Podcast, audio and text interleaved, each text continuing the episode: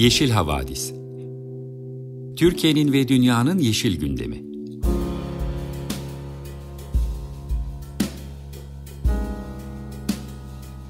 Hazırlayan ve sunanlar Demet Yaman Er, Savaş Çömlek, Dilan Altın Makas, Sare Abit ve Tansu Yeşilkır.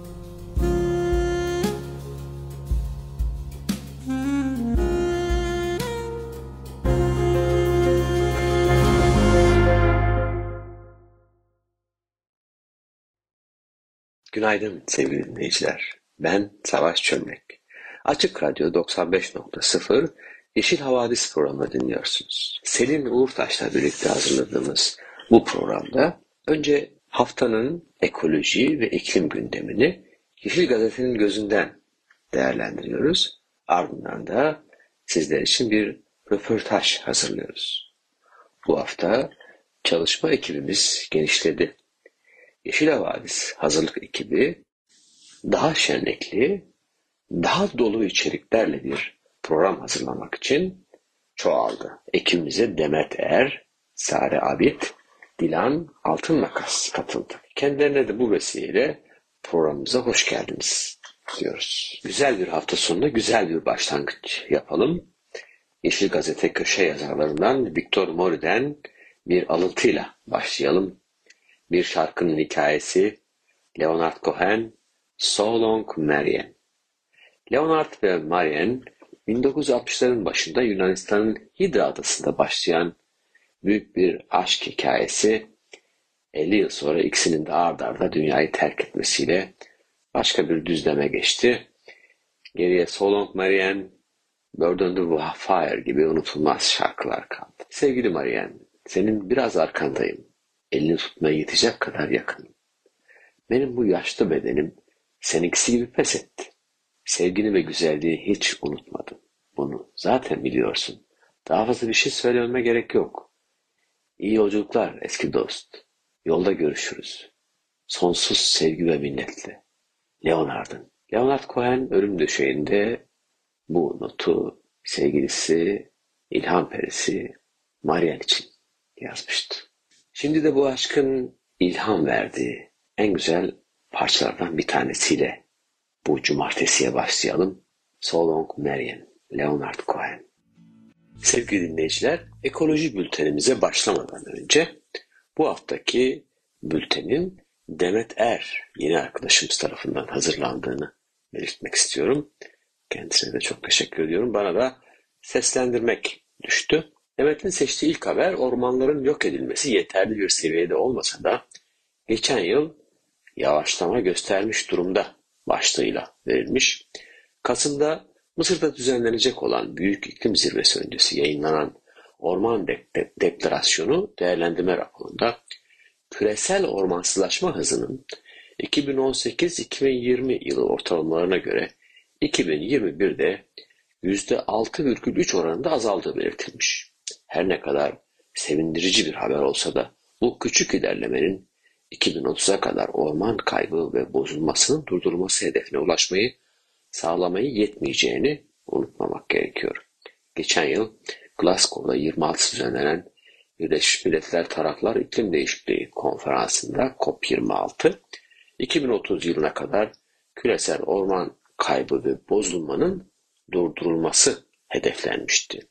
Bu hedefe ulaşabilmek için de yıllık ortalama %10 oranında bir azalma sağlanması gerekiyordu. 2021 yılı boyunca uydu verileriyle ölçülen orman gölgelerindeki değişiklikler ve ormanların ekolojik sağlığının bir ölçüsü olan orman peyzaj bütünlüğü endeksi gibi göstergelerin analizi sonucu veriler elde edilmiş. Yapılan hesaplamalar 2030 yılına kadar ormansızlaşmayı ortadan kaldırmak için 45 ila 460 milyar ABD doları bir maddi kaynak gerektiğini gösteriyor. Şu anda ise tüm dünyada hükümetlerin ayırdığı maddi kaynak bu rakamın yüzde biri bile değil. Ülkemize gelince ormansızlaşan ve bozulan orman alanlarının yıldan yıla değişimine ilişkin bir veriye sahip değiliz. Bildiğimiz gerçek ise orman sahalarımızın son yıllardaki büyük yangınlarla kayıplara uğramasının yanı sıra Kaz Dağları'nda, Muğla, İkizköy'de olduğu gibi madenciliğe, Ege ve Akdeniz kıyılarında olduğu gibi ise turistik testlerin yapımına ormanların kurban edilmeye devam edildiği şeklinde. Kaldı ki yine güncel bir gelişmede AKP'li Cumhurbaşkanı Erdoğan'ın kararıyla Manisa'nın Soma ilçesinde Soma Kolin Termik Santrali elektrik üretim tesisi için acele kamulaştırma kararı alınmış. Tarla niteliğinde bulunan ve kamulaştırma kararı alınan alanın çevresi ise ormanlarla kaplı. Acele kamulaştırılan alana Kolin Termik Santrali'nin uzaklığı ise yalnızca 1,87 kilometre. Aradaki mesafe ise yine ormanlar bulunuyor aslında. Ormansızlaşmanın durdurulması talepleri dünyada sürerken ülkemizde bu tesisin hayata geçmesi Yeşil Gazete'nin haberine göre ormanla ilgili mevcut iktidarın yaklaşımını göstermesi açısından oldukça kritik öneme sahip. Demet'in seçtiği ikinci haber, İliç'teki siyanür sızıntısı ekokırım ve insanlık suçu gerekçesiyle Uluslararası Ceza Mahkemesi'nde başlığıyla verilmiş. Erzincan, İliç'te siyanür sızıntısına yol açan çöpler, altın madenini işleten Anagold Mining şirketi yönetim kurulu üyeleri ekokırım ve insanlığa karşı suç işlemekten Uluslararası Ceza Mahkemesi'ne şikayet edilmiş. Haziran 2021'de Stop Ecocide Foundation, Ekokırımı Durdurun Vakfı girişimiyle uluslararası uzmanlardan oluşan bir heyet ekokırım suçunun tanımı konusunda uzlaşıya varmış ve çevreye ağır ve geniş çapta ya da ağır ve uzun vadeli bir biçimde zarara yol açmanın kuvvetle muhtemel olduğunun bilincinde yasa dışı veya keyfi olarak işlenen fiillerin ekokırım suçunu oluşturduğu kabul edilmişti. Amerikalı ve Kanadalı ortaklardan oluşan Anagold Madencilik, Çalık Holding'in ortaklığıyla Erzincan il ilçesinde faaliyet gösteriyor. Çöpler altın madeninde 21 Haziran'da siyanürlü solüsyon boruları patlamış ve oluşan sızıntı sonucu 32 ton saf siyanür Fırat Nehri'ne karışmıştı. Ekoloji Bülteni'nin bir sonraki haberi Ordu'da organize sanayi bölgesinin çimento atıkları derede yüzüyor başlığıyla yapılmış. Alt başlık olarak da ceza ödemek önlem almaktan daha ucuz denilmiş. Ordu Çevre Derneği Altınoluk ilçesi Karapınar mahallesindeki organize sanayi bölgesinde beton işletmelerinin çimento atıklarını küçük dereye boşaltmaları nedeniyle Ordu Çevre ve Şehircilik ve İklim Değişikliği Müdürlüğü'ne giderek şikayette bulunmuşlar.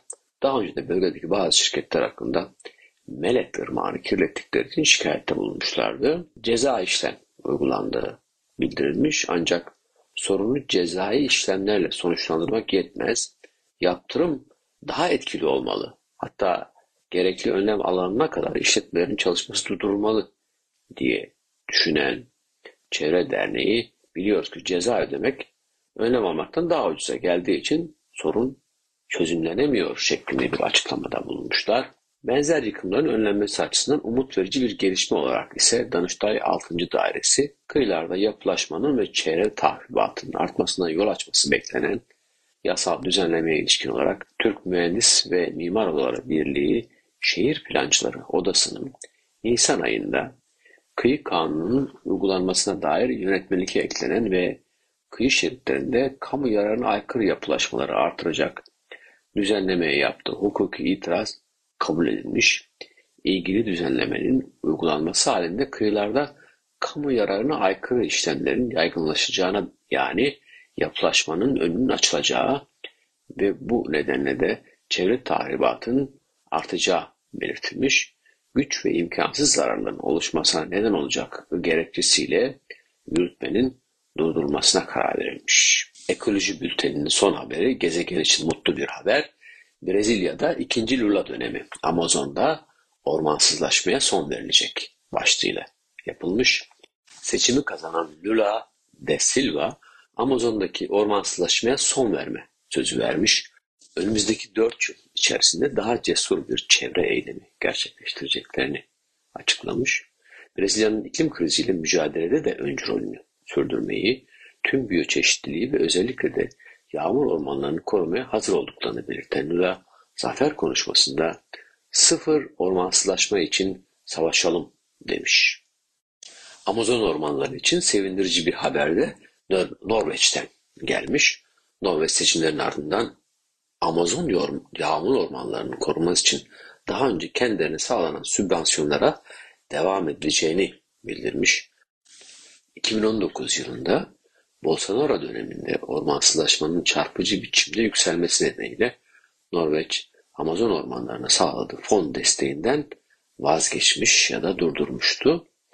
Karbon Brief'in analizine göre Lula'nın zaferi Amazon'daki ormansızlaşmayı önümüzdeki 10 yılda %89 oranında azaltabilir.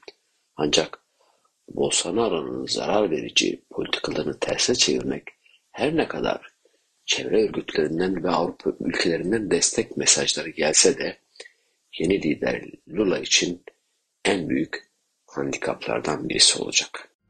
Sevgili dinleyiciler, Yeşil Havadis programının iklim bültenini bu hafta yeni katılan arkadaşımız Dilan Altınmakas hazırladı.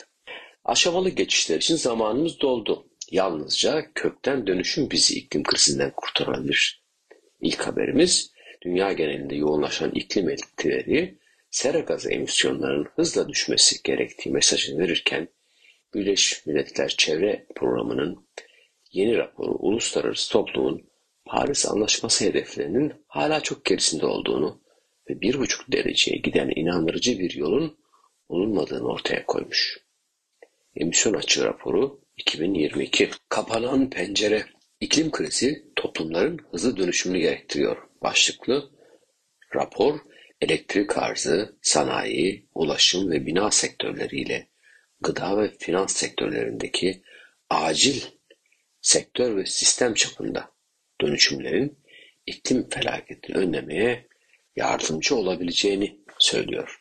Rapor 2021 yılında düzenlenen iklim zirvesinde COP26 tüm ülkelerin ulusal katkı beyanları güçlendirme kararı almasına ve ulus, uluslardan gelen bazı güncellemelere rağmen ilerlemenin yetersiz olduğunu ortaya koymuş. Bu yıl sunulan ulusal katkı beyanlarında 2039'da öngörülen küresel emisyonlardan sadece 0,5 gigawatt karbondioksit eşdeğeri yani %1'den daha azını azaltıyor. Paris Anlaşması hedeflerine ulaşmak için ise dünyanın önümüzdeki 8 yıl içinde sera gazlarının daha önce görülmemiş düzeyde azaltması gerekiyor. İkinci haberimiz kuraklık Kasım'ı vurabilir, hububat ekiminde sorun yaşanabilir başlığıyla yapılmış. İnsan kaynaklı faaliyetlerin bir sonucu olarak gittikçe artan şiddet ve sıklığı nedeniyle geniş çapta kitleleri etkileyen iklim krizi ve iklim krizinden dolayı yaşanan kuraklık birçok gölün kurumasına neden olmuş.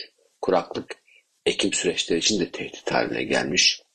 Boğaziçi Üniversitesi İklim Değişikliği ve Politikaları Uygulama ve Araştırma Merkezi Yönetim Kurulu üyesi Profesör Doktor Murat Türkeş de geçen yıl yaşanan kuraklığın hala devam ettiğini belirtmiş. Türkeş, sonbaharda yaşanan kuraklık nedeniyle hububat ekiminde sorun yaşanabileceği uyarısında bulunmuş. Sevgili Dilan'ın hazırladığı son haberse Avrupa küresel ortalamanın iki katı daha fazla ısınıyor başlığıyla verilmiş.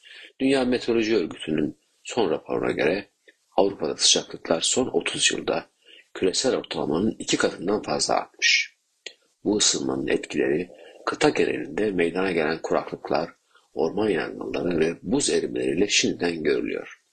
ABD'nin Kopernikus desteğiyle hazırlanan Avrupa İklim Durumu raporu ısınma eğilimi devam ederken olağanüstü sıcaklık, orman yangınları, sel ve diğer iklim bozulması sonuçlarının toplumu, ekonomileri ve ekosistemleri giderek daha fazla etkileyeceği konusunda uyarılar yer almış. Avrupa'nın dünyanın diğer bölgelerine göre daha hızlı ısınmasının birkaç nedeni var. Kıta denizden daha hızlı ısınan yüksek bir kara kütlesi yüzdesine sahip. Kuzey kutbu genellikle kuzey enlemleri aynı zamanda küresel olarak en hızlı ısınan bölgeler ve Avrupa'nın nispeten büyük bir kısmı kuzey enlemlerinde bulunuyor. 1991-92'ye kadar Avrupa'da sıcaklıklar 10 yılda ortalama 0,5 santigrat derece civarında artmış. Bunun sonucunda ise alt buzullarının 1997 ve 2021 yılları arasında 30 metre buz kalınlığı kaybetmiş. Grönland buz tabakasının erimesi, deniz seviyesinin yükselmesi gibi gözle görülür pek çok olay yaşanmış. Aşırı hava olayları sonucunda çok sayıda insan ve hayvan yaşamını kaybetmiş. Rapora göre 2021'de %84'ü sel ve fırtına olan yüksek etkili hava iklim olaylarının yanı sıra 500 e, binden fazla insanın ölümüne sebep olmuş bu olaylar. 50 milyar dolar civarında da ekonomik zarar ortaya çıkmış. Dünya Meteoroloji Örgütü Genel Sekreteri Profesör Betteri Talas, Avrupa'da ısınan bir dünyanın canlı bir resmini sunuyor bize. İyi hazırlanmış toplumların bile aşırı hava olaylarının etkilerinden güvenle kurtulamayacağını, güvende olamayacağını hatırlatıyor demiş. Merhaba, ben e, Yeşil Havadis'ten Sare. Bugün konumuz olarak e, Yaşamdan Yana Derneği Yönetim Kurulu Başkanı Nilgün Engin bizimle. E, öncelikle tekrar hoş geldin. Hoş bulduk. Nasılsın? İyiyim, teşekkür ederim. Sen nasılsın? İyiyim, iyiyim. Yoğunum ama mutluyum. Çok güzel. E, ben böyle sorularımla başlamak istiyorum. Ee, Yaşamdan Yana Derneği 2021'de kurulmuş görece yeni bir oluşum. Ee, ancak ilk ne zaman böyle bir oluşum fikri atılmıştı? Arkasındaki hikayeyi bizimle paylaşabilir misin? Tabii ki. Ee, yaklaşık 5 sene önce vegan oldum. Vegan olduktan sonra e, Animal Save grubuyla hareket etmeye başladım. Önce İstanbul sonra Ankara'da kurdum. 4 yılı geçen bir süre oldu bu. E, vegan aktivizmi Animal Save grubu çatısı altında yapıyor olmak mükemmel bir şey ama bunun e, yasal bir yanı olamıyor malum yabancı isimle dernek kurulamayacağı için ve bu bizim elimizi pek çok noktada e, tutuyordu. İstediğimiz gibi hareketlere giremiyorduk. Yani bir e, yasal olarak bir yerde var olmamız gerektiğinde resmi bir müracaatta hep geride kalıyorduk. Bu bizi üzüyordu. Bir diğer taraftan da e, karar alıcılar nezdinde daha çok e, kabul edilebilir olmak için onlara görece bir baskı oluşturabilmek için e, kimsiniz, kimlerdensiniz bu soruların cevaplandığı ve dernek altında var olmanız değerli. Biz de bunu yaratmak için ve sonra kısa uzun vadeli planlarımızı nasıl bu çatı altında daha iyi harekete geçiririz, değerlendiririz diye böyle bir karar aldık. 17 tane vegan arkadaşımla birlikte.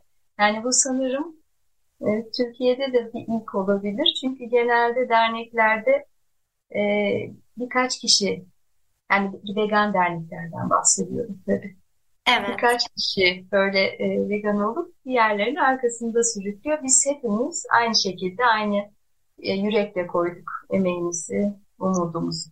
Ee, çok güzel. Ee, ben de Yaşamdan Yana Derneği'ni araştırırken karşıma çıkmıştı. Hani her, her üyesinin vegan olduğu hani tek dernek diye. Ee, gerçekten de hani bu açıdan da çok güzel ve değerli bir oluşum. Peki hani tüm bu süreç boyunca sizi bir arada tutan, motive eden şeyler nelerdi? Hani biraz da bahsettiniz ama belki biraz daha açabilirsiniz o motivasyonlarınızı. Tabii. E, yani en başından beri e, daha fazla ne yapabiliriz? Bu hayvan zulmünün bu kadar yaygın olduğu günümüzde onları nereden tutup nasıl kurtarırız? Türcülüğün zihinlerdeki böyle kapladığı kocaman yeri nasıl azaltırız diye e, aklımıza gelen her yolu denedik. Yani çok değişik aktivizm yöntemlerimiz var. Bugüne kadar belki bir 20 tanesini denediysek bundan sonra eğer yeni birileri oluşursa 40 tanesini de deneriz. Aklımıza gelen her şeyi deneyerek devam ediyoruz. Yani buydu bizi bir araya getiren. Devamında da ne değişti? Yavaş değiştiğini söyleyebilirim. Sonuçta e, bağışlarla yaşamıyoruz. Kendi verdiğimiz aidatlarla devam ediyoruz. Daha yeni açabildik. Bir yıl sonra dernek merkezimizi küçük bir dükkan diyoruz. Tabii ki dükkan denmez derneğin merkezine ama dükkan gibi. Orada mesela komşularımız için bahçeye e, soğanlar diktik. E, bulabildiğimiz her yerde sürdürülebilir tarımın yapılabileceğini göstermek istiyoruz. Sonra gösterdiğimiz örneğin devamında aynı alanda hayvanlarla birlikte yaşayabileceğimizin de örneğini vermek istiyoruz. Uzun vadeli planımızda bu var. Yani e, bir kurtarılmış hayvan çiftliği olabilir, e, bir e, sürdürülebilir ekolojik tarım yapan bir çiftliğin bir yanında hayvanlarla arkadaşlığımızı sürdürdüğümüz bir alan olabilir Uzun vadeli planımızda bu var. Belediyelerle yakın ilişkiye girmeye çalışıyoruz. Bir yandan Plant-Based Treaty'yi desteklemelerini rica ediyoruz ki Didim bunu yaptığı yakınlarda çok mutluyuz. Yani bir, ilk defa bir yerel yönetim bizim e, coğrafyamızda ki ne kadar zor bizim coğrafyamızda bitki temelli bir değişimi kabul etmeye yanaşması ve belediyenin işte bunun gibi e, yollarla e, karar alıcılara yaklaşıp belki bir alan bize tahsis edilebilir zaman içinde ve orada işte bu şimdilik hayal gibi görülen planı devreye sokabiliriz. Çünkü örnek olmalıyız dünyaya. Bu uygulanabilir. Hatta bu uygulanmalı, sürdürülebilir tek şekli bu hayatta kalmamızın. Demek için bir şeyler yapmak istiyoruz. Kesinlikle çok haklısınız. E, Türkiye'de de e, hali hazırda hani devam eden e, vegan mesela oluşumlar, işte üniversite oluşumları mesela e, çok artmaya başladı. Hani benim dikkatimi çeken e, tarafı da oldu biraz. E, böyle hani yavaş bir süreç gibi gözüküyor ama bir yandan da e, yavaş da olsa gerçekten de ben e, o dönüşümü görmeye başladığımızı düşünüyorum. O yüzden sizin yaptığınız şeyler e, çok kıymetli. Birilerinin hani bir noktada örnek oluşturması gerekiyor ki gerçekten hani e, diğer o domino taşı gibi arkasından e, birçok böyle hani harekette e, gelişsin, oluşsun ve büyüsün o etki. O yüzden çok kıymetli. Teşekkür ederiz. Peki dernek kurulduğu tarihten itibaren yaptığınız şeyleri hani düşündüğünüzde hedeflerinize ulaşıyor gibi hissediyor musunuz? E, etkilerini e, böyle hani gördüğünüz gerçekten böyle bir örnek var mı? İşte sanırım yani Didim bence çok önemli bir kilometre taşı oldu bizim için. E, Ağustos e, 2021'den beri Plant Street'i Türkiye'de tanıtmaya çalışıyoruz. Bütün dünyada olduğu gibi yani bir yılı o e, aştı e, şey lansmanı.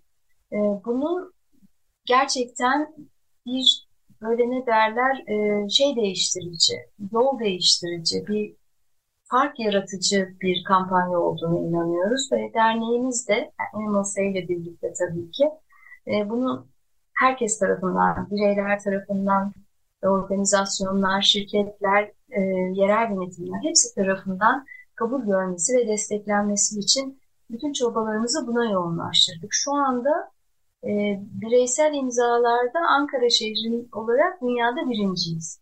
Yani bu bence bir kazanım diye düşünüyorum. Kesinlikle.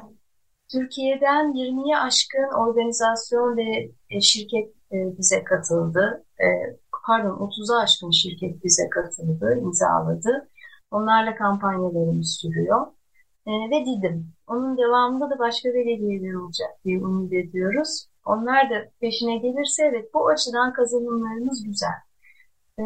Başka neler yaptık? Yani dediğim, bahsettiğim türlü çeşit aktivizmimize devam ettik. Üniversitelerde veganlık sunumu yaptık. Sokaklarda yaşayan hayvanlarla ilgili davalarda müdahil olmaya başladık. Yeterince çok değil, daha ciddiye almayı ümit ediyoruz. Ee, devamında ne yaptık? Yemek dağıtımlarıyla e, insanlara böyle bir sıcak yaklaşım sunarak o sırada tanışıp e, veganlık konuşmaları yaptık.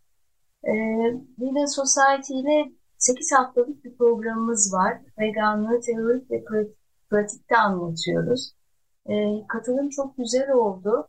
Bu haftada işte mesela Ankara'da ve şeyde İzmir'de sokakta fikrini değiştir eylemleri yapacağız. Diyeceğiz ki hayvancılık sürdürülebilir değiş değildir. Fikrini değiştir diyeceğiz. Bakalım nasıl tepki alacağız sokakta. Univek'le e, bağlantımız çok iyi. E, onların her daim yanındayız. Daha fazla e, yasal anlamda yanlarında olmak için donanımımızı pekiştireceğiz. Önümüzde ne var mesela? Önümüzde Antalya Muratpaşa Belediyesi'nin davetlisi olarak orada e, vegan işte süt, yoğurt e, ve şey ayran atölyesi yapacağım. Bunun olabilirliğini göstereceğim. İlter Yeni de gelecek sağ olsun. O da neden e, aslında veganlık hem kolay hem de aslında iklim açısından olmazsa olmaz bir bir şey. Yani hani veganlığı ekstrem olarak görüyor ya şu an dünya. Evet. Hala maalesef. Ee, aslında e, şey olan, aşırı olan bizim hayvanlara ve sonra dünyaya yaptığımız. Yani 80 milyar hayvanı besleyip öldürüyoruz her yıl. 8 milyar insanı besleyemediğimizi söylüyoruz. Yani kağıt üzerinde böyle görünüyor. Ama o, o hayvanları besleyip öldürmeyi tercih ediyoruz. Çünkü e, zenginliğin ya da prestijin ölçüsü bir anlamda et.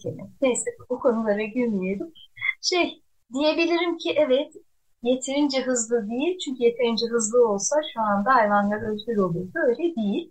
Ama elimizden geldiğince iyi gittiğimize inanıyorum.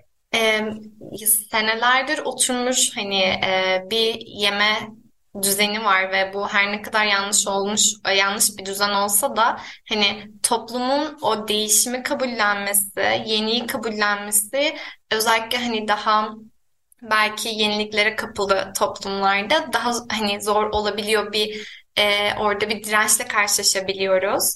E, özellikle veganlar karşı çok fazla ön yargı olabiliyor ama böyle e, farklı opsiyonların olduğunu işte e, e ben yoğurdumdan vazgeçemem, ayranımdan vazgeçemem diyen insanlar için e bunun vegan e, olarak da hani bunu yapabiliriz ve bu şekilde beslenebiliriz göstermek bence çok güzel oluyor. Çünkü ben de veganım ve çevremde hani sık sık duyduğum hani şunu nasıl yapıyorsun, proteini nereden alıyorsun, şunun eksikliğini hissetmiyor musun gibi aslında her bir vegan çevresinde bence yaşamıyla zaten örnek olup etkiliyor.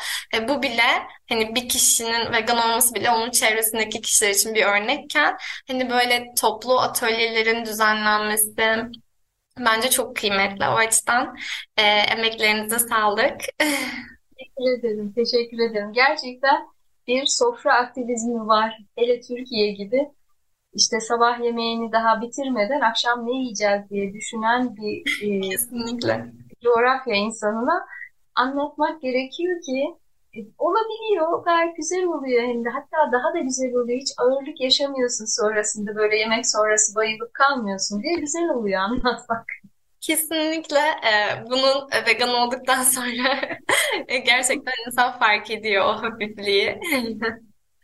evet. Ee, peki Yaşamdan Yana Derneği gerçekten çok güzel şeyler üretiyor. Yakın gelecekte daha böyle geniş çaplı yapmak istediğiniz bir şeyler var mı? Daha böyle büyük bir organizasyona, organizasyon olma gibi bir böyle e, hedefiniz var mı?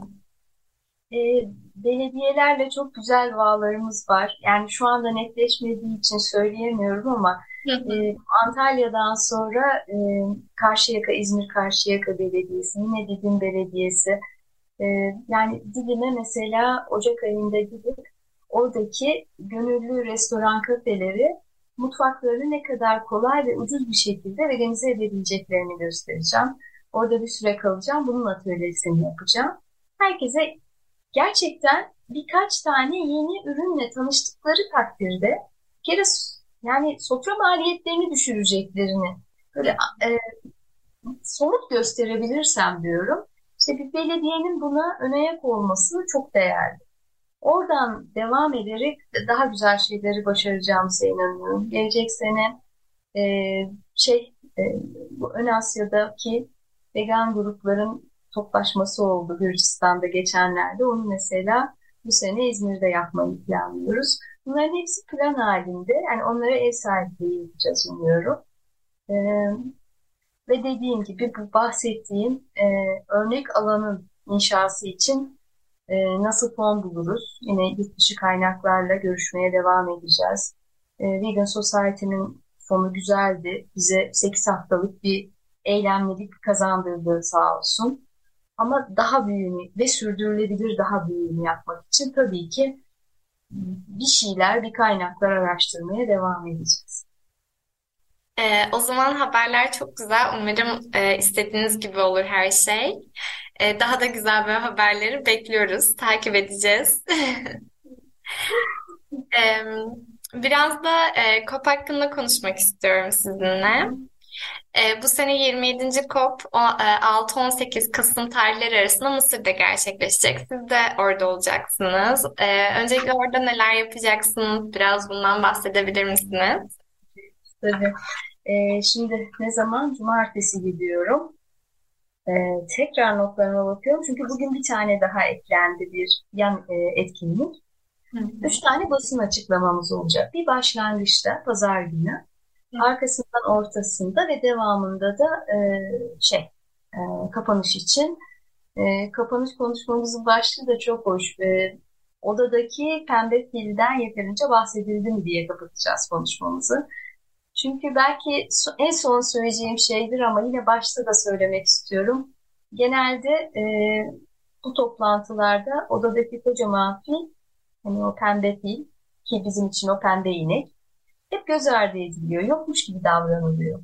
Doğrudan insanların alışkanlıklarını ilgilendiren e, ya iklim krizi çok kötü bir şey, büyük e, şirketler e, farklı enerji kaynaklarına yönelsinler yerel yönetimler buna bir çare bulsun. Hükümetimiz nerede? Demek yerine bir gecede vegan olmak, bir gecede enerji sarfiyatını, e, karbon ayak izini düşürecek kişisel önlemler almaya bireyler yanaşmıyor. Dolayısıyla ortada pembe bir fil var ve konuşulmuyor. İşte o yüzden korkarım ki yine bu kapın sonunda da biz o konuşmayı yapacağız. Yani ne yaptık? Filden bahsettik mi diyeceğiz. Ama biz bu 15 gün ne yapacağız? O filden hep bahsedeceğiz. Hep diyeceğiz ki çok pardon lütfen gelin e, bitki bazı anlaşmayı imzalayın. Çünkü dünyanın bitki temelli bir geleceğe doğru evrilmesi gerekiyor. Artık daha fazla yeni mezba açmayalım. Var olan hayvanları beslemek için daha fazla orman kesmeyelim. Ee, bütün kaybedilen ekosistemleri geri kazanmak için her şeyi yapalım ve tüm yönetimler bu ön kabulle e, politikalarını şekillendirsinler. Bunun kampanyasını yürüteceğiz. İşte önce basın açıklamamızda bizim sunduğumuz budur. Lütfen bizi dinleyin diye. Sonra iki tane yan etkinlikte davetliyiz. Orada konuşmamız olacak.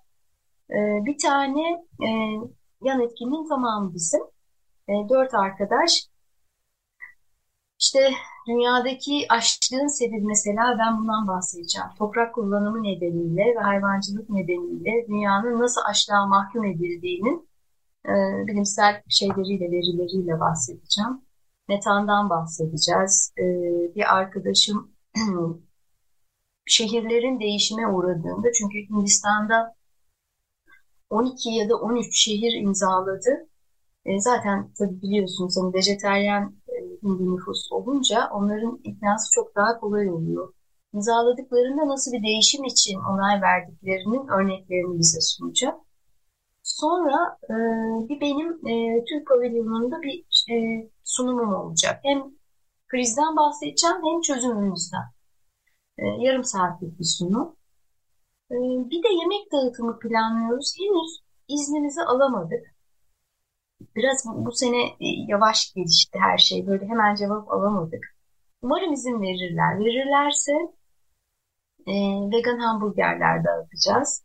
Daha önce de Bond'da geçen sene, geçen sene değil de Haziran'da daha geçen sene bir sene gibi oldu gibi geliyor ama Bond'da e, sosisliler dağıtmıştık. Vegan sosisler ve çok iyi tepki almıştı. Burada da onu yapacağız. Planlarımız şimdilik böyle. Tabii e, bol bol tanışacağız insanlarla. E, bütün iklim gruplarıyla, oradaki delegelerle, tabii kendi ülkemizin insanlarıyla. Çünkü onlar bakanlıktan gelen insanlar, karar alıcılar.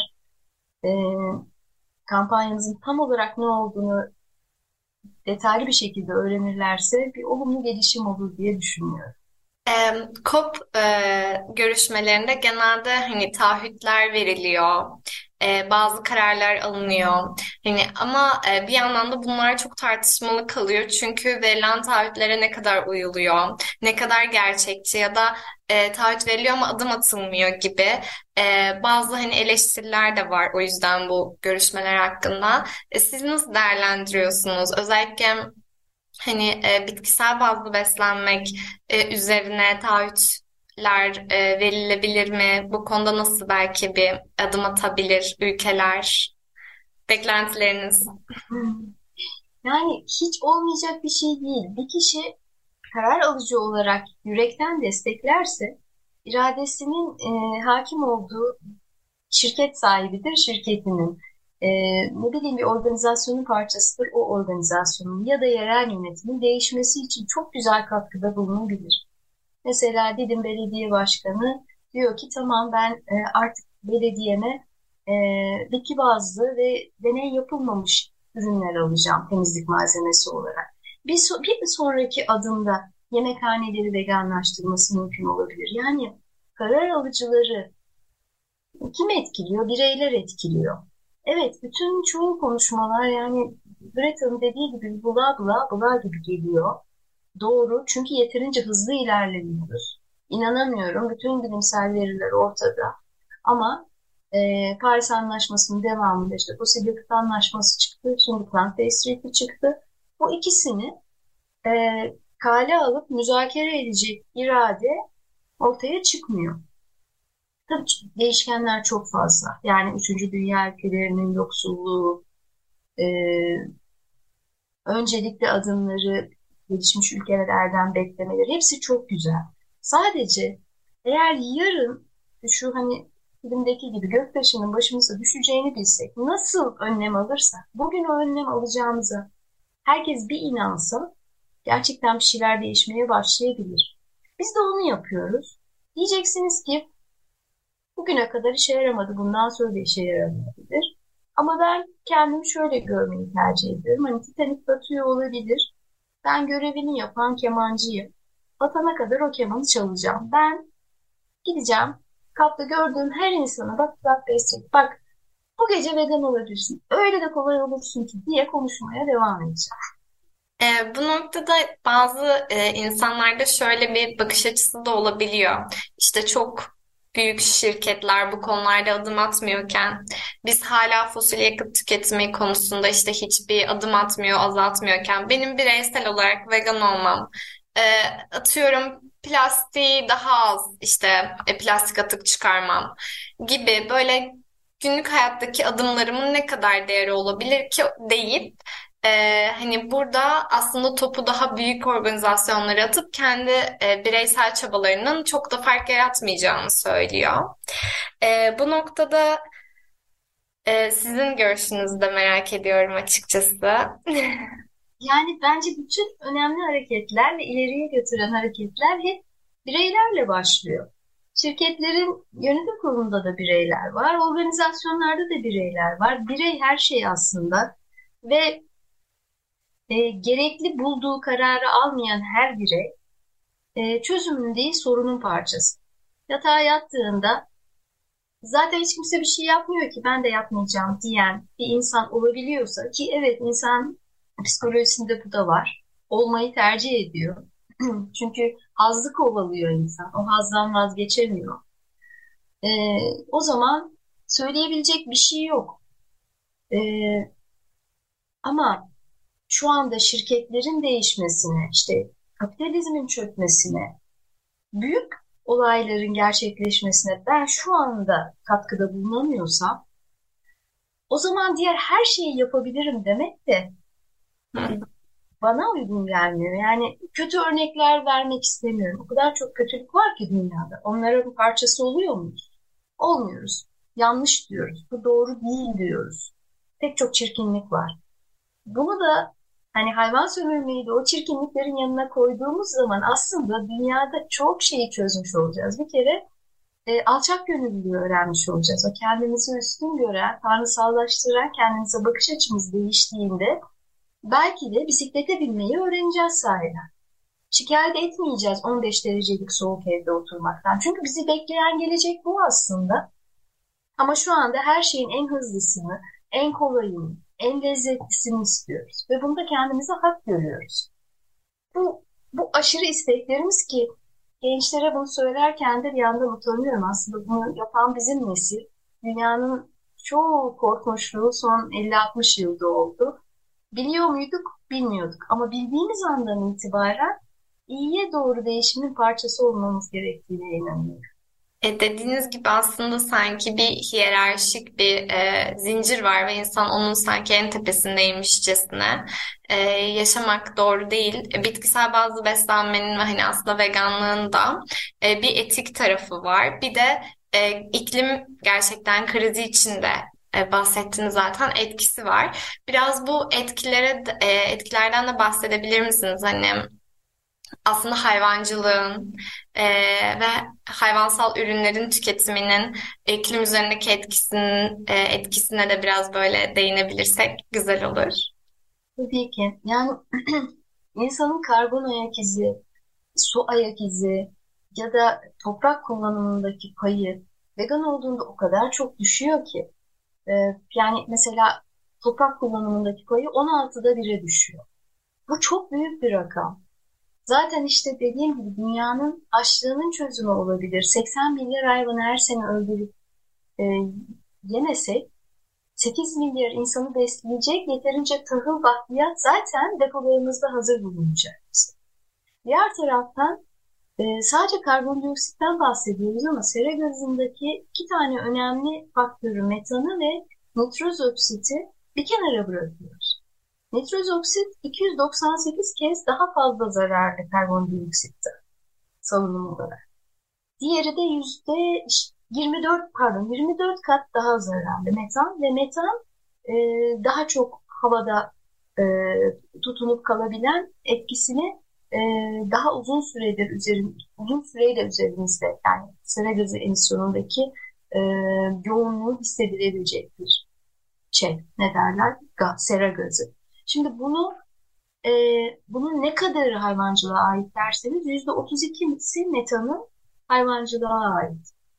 Devamında hayvanların yediği e, e, ürünlerin e, gübrelerinde kullanılan e, şeyler, fosfatlar, e, azotların salınımıyla çıkan nitrozoksit yine hayvanların yemeğiyle ilgili.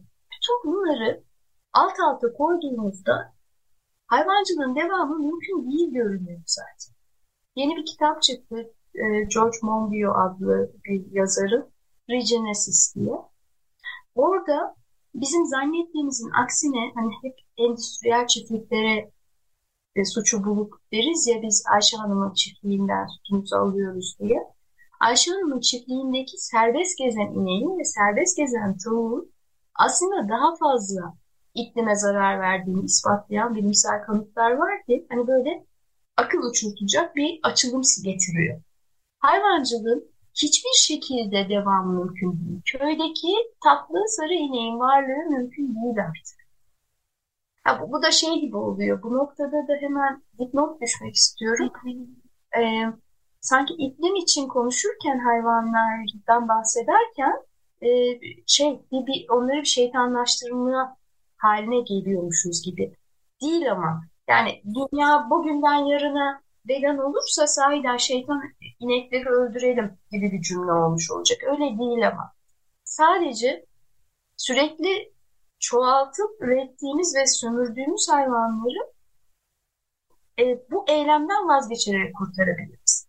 Zaten dünya bir gecede vegan olmayacak ki.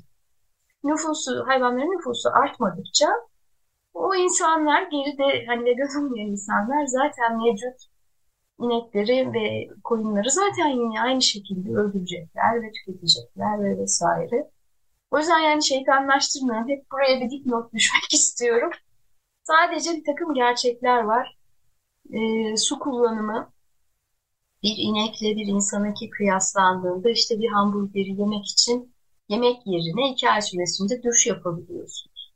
Hep bize diyorlar ki muslukları çok açık tutmayın, az sürede duş olun filan. Değil ki bu çözüm. En düş, en az kaynağımız şu anda sular. Yani dünyanın tükenmek olan, ilk tükenecek olan kaynağı sularımız, içilecek sular. Yani suların içindeyiz gibi ama sadece yüzde iki buçuğunu biz kullanabiliyoruz. O iki buçuk, yüzde iki buçuğu biz yine e, insan dışı hayvanlara içirerek onları yemek istediğimiz için onları e, sunuyoruz. Böyle bir e, bir sürdürülemezlik hakimler. Çok güzel özetlediniz. Ee, çok teşekkür ederim açıklamalarınız için de. Benim e, sorularım bu kadardı. E, eklemek istediğiniz bir şey var mı onu sorayım. Yok, bana şans dileyin. E, söylemek istediklerimizi düzgün bir dille söyleyelim. Çünkü Böyle konuşmalarda bile Türkçeyi bile bazen unutuyorum. Orada ikinci dil olan İngilizceyle umarım derdimi güzel anlatırım. Umarım insanları e, yani kaç kişi olur bilmiyorum etkilerim. Umarım hepimiz grup olarak bir şeylerin değişimine e, sebep oluruz. Umarım ben gerçekten e, inanıyorum orada e, sizin konuşmalarınızın e, bir etki yaratacağına. E, açıkçası bu konuşma bende şu an bir etki yarattı bile. E, o yüzden çok heyecanlıyım. Umarım böyle çok güzel dönütler de alırsınız ve çok güzel geçer sizin için. Çok teşekkür ederim. Ben de çok teşekkür ederim e, gelip konuğumuz olduğunuz için. Sağ olun, sağ olun. Ben teşekkür ederim.